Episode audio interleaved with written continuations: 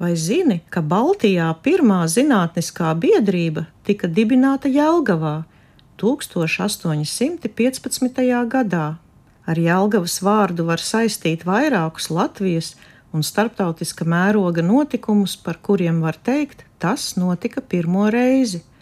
Jelgavā pirmo reizi Latvijas vēsturē gaisā paceļas gaisa balons, pirmā augstākās izglītības iestāde, pirmā teātrā ēka Latvijas teritorijā, pirmais laikraksts latviešu valodā, Jelgava kā Eiropas geogrāfiskais centrs, krustceles ceļā no austrumiem uz rietumiem, no ziemeļiem uz dienvidiem, savas pastāvēšanas vēsturē vienmēr piesaistījusi drosmīgus, zinātkārus, aizrautīgus cilvēkus, kuri šajā pilsētā radījuši, kā mūsdienās mēdz teikt, savam laikmetam atbilstoši progresīvus projektus. Piemēram, Latvijas Zinātņu akadēmijas hartā un karogā pirmais gadskaitlis ir minēts 1815. gads, kas iezīmē mūsu valsts Zinātņu akadēmijas priekšvēsturi un apliecina Latvijas zinātnes gadsimtu tradīcijas. Tas ir Kurzemes literatūras un mākslas biedrības dibināšanas gads Jelgavā, kas bija nevien baltvāciešu zinātnisko centienu apkopojums, bet arī nopietns aizsākums latviešu nacionālās izglītības veidošanā. Šo biedrību var dēvēt par pirmo Baltijas mēroga fórumu aktuālāko zinātnisko un sabiedrisko problēmu apspriešanai. Cita starpā šeit tika spriests par to, kāda nākotnes perspektīva jāiezīmē brīvajiem latviešiem un igauņiem. Biedrība centās piesaistīt sev iespējami plašu, prominentu personu loku, ievēlot par biedriem gan zinātniekus, gan māksliniekus un rakstniekus, gan arī mācītājus un ierēģņus ar plašām intelektuālām interesēm, turklāt no visas Baltijas, arī no Rīgas un Tērbatas. Biedrības sēdēs Jelgavā tika apspriesti dažādi dabas zinātņu, tehniskie un matemātikas pētījumi, piemēram, 1819.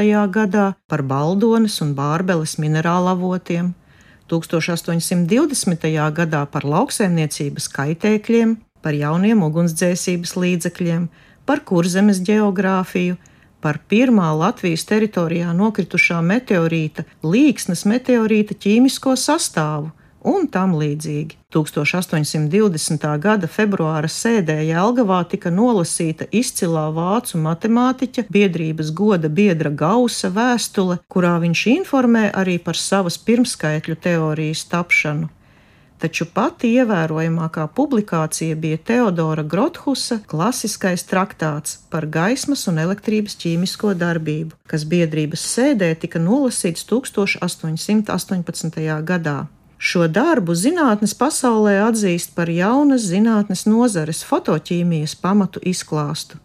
Šis raksts ļāvis saglabāt pašas biedrības vārdu zinātņu vēsturē, šī leģendārā pētnieka, jēlgaunieka uzvārdu un galveno zinātnisko nopelnu uzskaitījumu atrodam daudzās universālās enciklopēdijās, fizikas un ķīmijas vēstures grāmatās.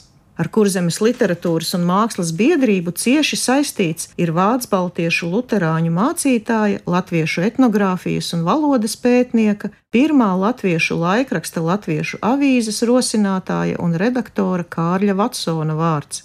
Tieši viņš 1817. gadā Kurzemes literatūras un mākslas biedrībā Jelgavā nolasīja referātu, kas biedrībai darāms latviešu kultūras veicināšanai, kā arī vēlākos gados citus letonikai un latviešu tautas vēsturei veltītus referātus. Šis laiks, 19. gadsimts, Eiropas kultūras vēsturē bija nozīmīgs arī ar publisku muzeju dibināšanu, lai saglabātu liecības par dabas un kultūras mantojumu. Par vienu no pirmajiem Eiropas muzejiem tiek uzskatīts Britu muzejs Londonā, dibināts 1753. gadā. Savukārt Latvijas teritorijā par tādu uzskatāms Kurzemes literatūras un mākslas biedrības 1818. gadā dibinātais Kurzemes provinces muzejs Jelgavā. Tā kā biedrības rīcībā dāvinājuma formā nonāca ne tikai grāmatas un seni dokumenti, bet arī ar dabas un kultūras vēsturi saistīti priekšmeti, to eksponēšanai izbūvēja Stefenhāgena tipogrāfijas nama otro stāvu, bet 1898. gadā Jelgavā uzcēla jaunu namu, Kurzemes provinces muzeja ēku, pirmo speciāli muzejam projektēto ēku Latvijā.